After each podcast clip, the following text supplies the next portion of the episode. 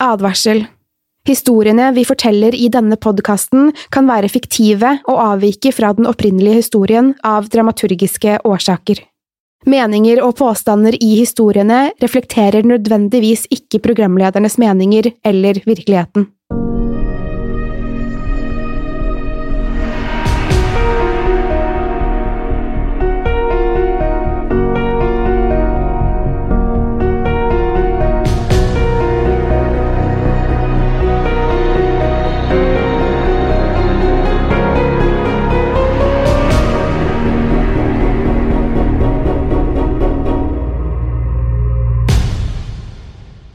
Hei, Pernille. Hallo!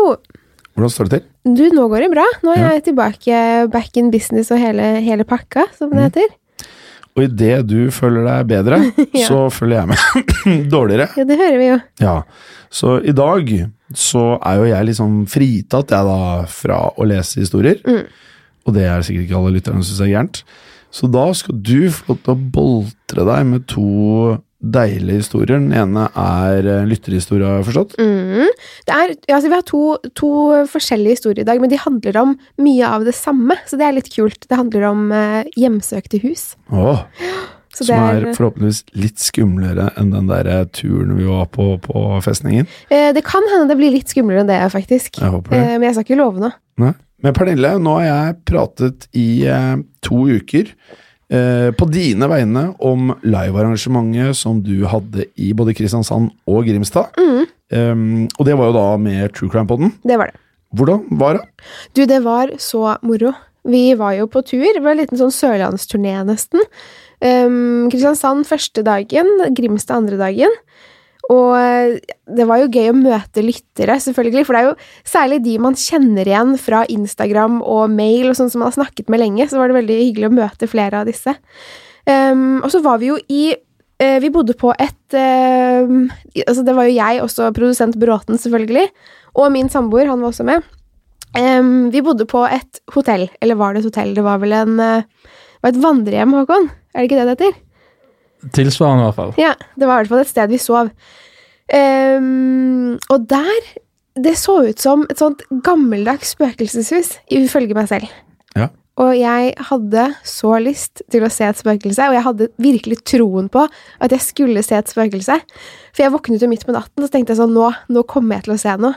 Men jeg så ingenting. Men jeg tror at det er det folk ofte sier til seg selv når de hevder at de har sett gjenfeide og spøkelser. At man er så keen på å se et eller annet. Ja. Og sånn ufoer og avskyelig Snømannen. Man er keen på å se noe, og så blir det til at man ser en kråke eller en gaupe, eller noe sånt, og så blir det til Snømannen. Ja, kanskje. Men jeg var Jeg hadde Det var Jeg ble faktisk litt skuffet. Jeg trodde det, trodde det skulle skje. Nå har jo ikke jeg sett noe spøkelse noen gang. Jeg har ikke opplevd noe sånn skummelt, bortsett fra disse søvnparalysene, da, som er dri, dritskumle. Men, eh, men jeg hadde håpet, og det gikk ikke.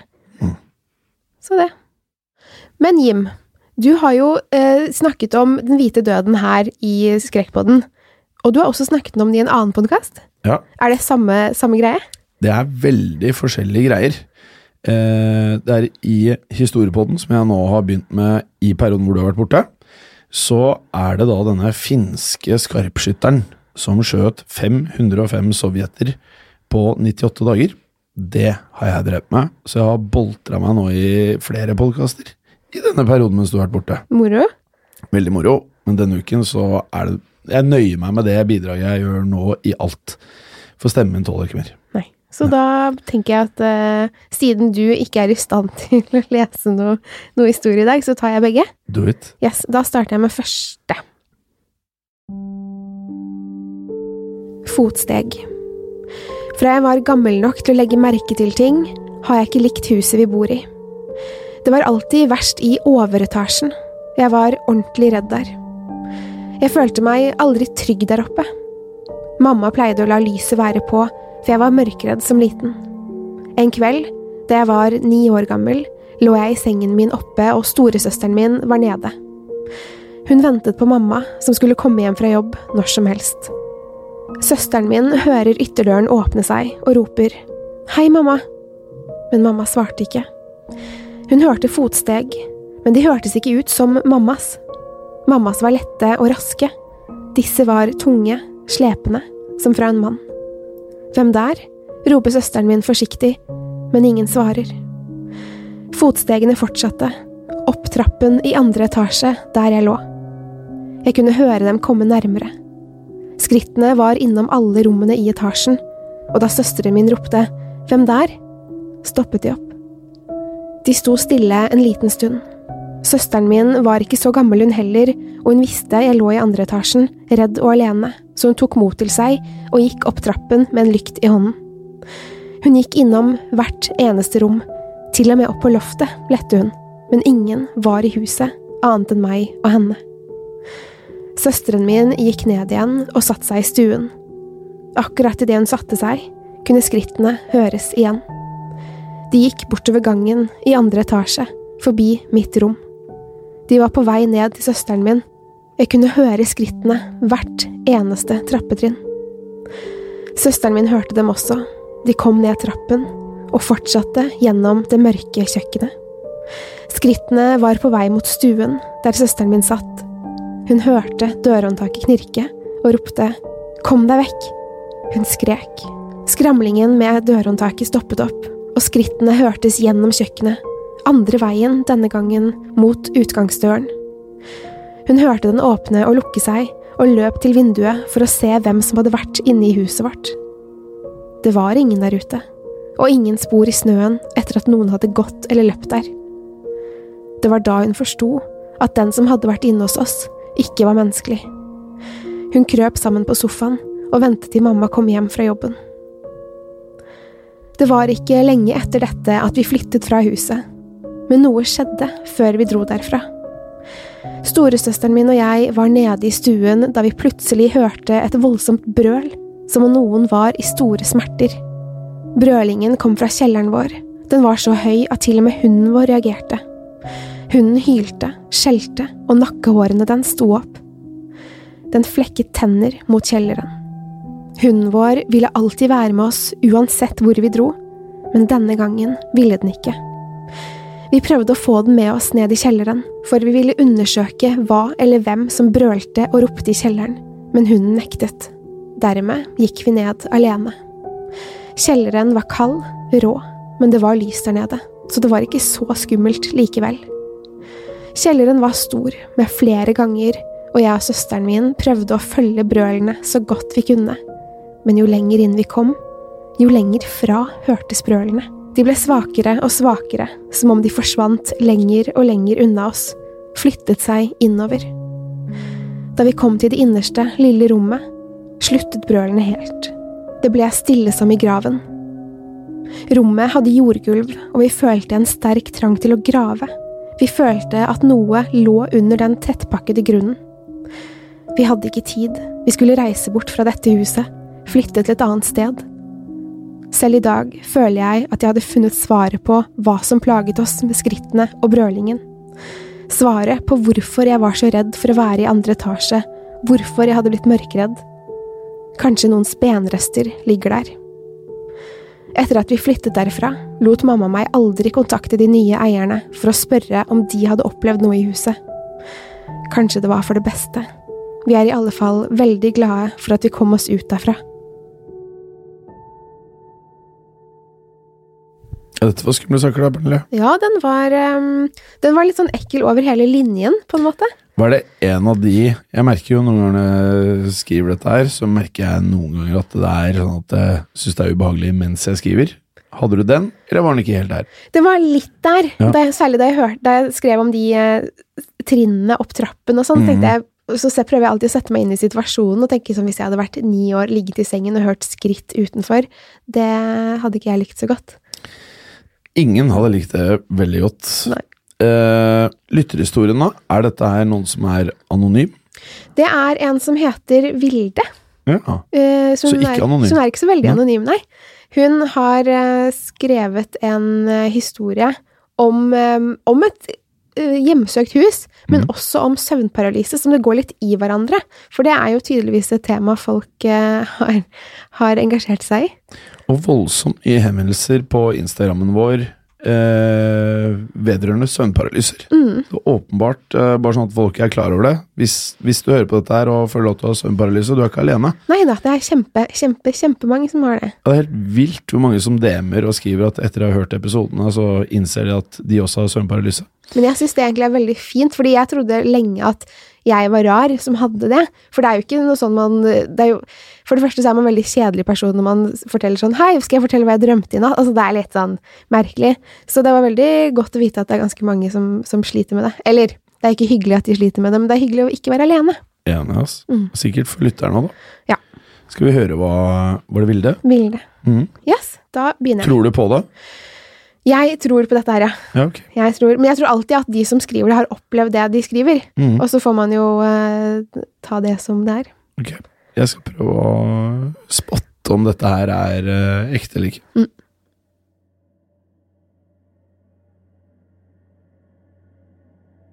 Jeg hadde nylig flyttet inn i en hybel for å studere på videregående. Jeg var 16 år ved dette tidspunktet. Allerede tidlig i innflytningsfasen begynte jeg å oppleve søvnparalyser. Det som var litt tilfeldig med det hele, var at ikke lenge før dette hadde jeg og venninnen min snakket en del om søvnparalyser, hva det er og hva som skjer med kroppen. Jeg hadde aldri opplevd det til da, og håpet selvfølgelig at jeg aldri trengte å oppleve det heller. Men ca. en uke etter at jeg flyttet inn på hybelen som var på loftet av en enebolig, var jeg så uheldig å oppleve dette. Jeg hadde lagt meg for å sove. Jeg lå med fjeset vendt mot veggen og kunne tydelig føle at det var noen som satte seg i sengen bak ryggen min. Jeg kjente at det var noe som trykte ned i madrassen. Jeg skulle til å snu meg, men var plutselig paralysert. Jeg fikk panikk, selvfølgelig, og som jeg hadde fryktet, klarte jeg ikke å forstå hva som skjedde med det samme. Jeg klarte ikke å åpne øynene mine. Jeg var våken, jeg visste hvor jeg var, og ville bevege meg, men kroppen min var blytung. Venninnen min nevnte til meg da vi snakket om det, at hvis man prøver å banne inni seg, eller for eksempel røre lillefingeren sin så mye man klarer, selv om man er helt stiv i fingrene og bare konsentrerer seg om det, kan man klare å løsrive seg fra paralysen. Og det fungerte for denne gangen. Rett før jeg klarte å åpne øynene mine og vri meg rundt, hørte jeg tydelig noe som minnet om at noen raslet med tau som ble dratt over gulvet. Jeg hørte også en lyd av noe metall som slo i gulvet. Jeg snudde meg, men det var ingen der. Det var helt mørkt i rommet, og iskaldt ved siden av meg, akkurat der jeg hadde følt at noen satte seg. Jeg freaket ut. Jeg endte opp med å ringe en venninne for å ha noen å snakke med for å roe meg ned, selv om jeg fikk dårlig samvittighet for å ha vekket henne så sent. Jeg fikk heldigvis sove igjen, uten at noe mer skjedde. Dagen etter hadde jeg en merkelig følelse av at det var noen andre i hybelen sammen med meg. Det var uhyggelig, så klart, men jeg hadde ikke en direkte følelse at det var noe fiendtlig eller skummelt, bare ubehagelig. Jeg dro på skolen og håpet å bare glemme hele hendelsen. Noen dager fløy forbi, og jeg begynte å konsentrere meg dypt om skolearbeidet igjen. Men så opplevde jeg det på nytt. En mye, mye verre opplevelse. Denne gangen klarte jeg å åpne øynene, men kroppen var stiv. Jeg lå på ryggen, og det føltes som jeg ble ett med madrassen. Det kjentes ut som jeg ble kvalt og fikk ikke puste. Så kjente jeg plutselig noe som grep tak om leggene på meg, slapp taket og fortsatte oppover låret mitt. Da så jeg det. Noe som lignet et tynt skjelett, med et fullvokst hode, krøp over meg på alle fire. Den hadde svarte hull som øyne og en vidåpen munn som var mørkerød som størknet blod. Til slutt var den over meg, og jeg kjente hendene dens presse hardt om armene mine. Det var som om den presset meg lenger og lenger ned i madrassen. Jeg var livredd, helt paralysert. Jeg klarte å konsentrere meg om å røre lillefingeren og banne inni meg, men det hjalp ikke. Skapningen var rett over meg til slutt. Jeg ville skrike og rope så høyt som bare mulig, men det eneste som kom ut av meg, var en slags ulende jamring fra strupen. Jeg var i full panikk. Til slutt hørte jeg en stemme ved siden av sengekanten som ropte ut Kom deg vekk! Jeg skvatt og var helt ærlig i ferd med å tisse på meg. Skapningen over meg ble jeg så forstyrret av dette at den rygget bakover igjen, og jeg kunne kjenne den løsnet grepet om armene mine, for å så rygge nedover føttene mine og deretter slippe meg helt. Jeg kunne puste igjen, og jeg fikk løsrevet meg fra paralysen og snudde meg brått til siden. Da så jeg en skikkelse av en høy dame med grå kjole og håret satt opp i en ball. Jeg fikk så vidt øyekontakt med de mørke øynene hennes i et gulblekt ansikt, et lite sekund før hun forsvant inn i mørket. Jeg var vettskremt og veldig forvirret. Jeg kikket ned mot sengekanten, men verken så eller kjente noe der. Jeg bare stirret tomt ut i luften i sjokk, og så krøp jeg i fosterstilling under dyna. Hjertet mitt hamret, og jeg var klissvåt av svette. Jeg sov ikke så mye mer den natten, men bare ventet på at det skulle bli morgen. Jeg bestemte meg for å si opp denne hybelen. Jeg turte ikke å sove der lenger. Jeg flyttet ut på dagen og dro hjem med første buss og pendlet en periode hjemmefra til skolen, før jeg fant en ny hybel. Jeg måtte betale på den første hybelen i tre måneder etterpå, siden det var oppsigelsestid. Noe som var litt dumt, så klart, men heller det enn å sove der et sekund lengre. Det merkelige med det hele var at denne skikkelsen som kom frem ved siden av meg, ut av ingenting, som jaget vekk denne skapningen over meg. Jeg har tatt meg i å lure på hva som kan ha skjedd om ikke hun kom frem. Flere år etterpå begynte jeg på høyskole og ble kjent med en jente der. Hun fortalte at hun hadde vokst opp i det området hvor jeg bodde i hybel en gang. Jeg fortalte om søvnparalysene og at denne høye damen kom frem. Hun stusset litt med det samme og spurte om det var det gamle huset i enden av veien. Så sa hun at hun hadde hørt flere historier om huset, og at det var en gammel dame som gikk igjen der. Hun fortalte at det var en mor og en datter som visstnok skulle ha bodd der tidlig på 50-tallet, og at moren hadde funnet datteren sin død i sengen en dag, trolig død av hjerteinfarkt i ung alder. Moren hadde hengt seg i kjelleren etter noen uker. Jenta som fortalte historien, hadde ofte gått tur med hunden sin i den strekningen og sett en dame i vinduet som kikket utover veien mot dem fra loftet, med intense, mørke øyne i et gulblekt ansikt.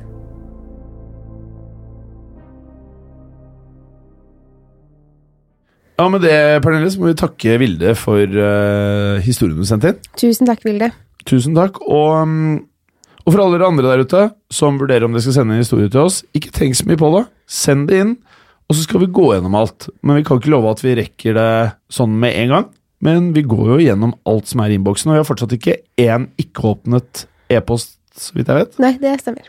Men det er ikke alltid vi rekker å lese lange, lange lange te tekster eh, med det samme. Nei, og så er det, Selv om vi ikke svarer alle, så leser vi alle mailene. Eh, og vi er veldig glad for at dere sender inn til skrekkpodden at modernemedia.no. Og at dere selvfølgelig skriver til oss på Skakepodden sin Instagram-konto. Veldig gjerne, men helst ikke Facebook, for vi liker ikke Facebook. I hvert fall ikke jeg. Ja, det er liksom Det sjekker så mye på Facebook. Det er Nei. vanskelig å følge opp og Ja. Så Eh, helst Instagram eller mail. You got that right. Hva er det du pleier å si på slutten av episoden, Jim? Hold det skummelt. Hold det skummelt. Hold det skummelt.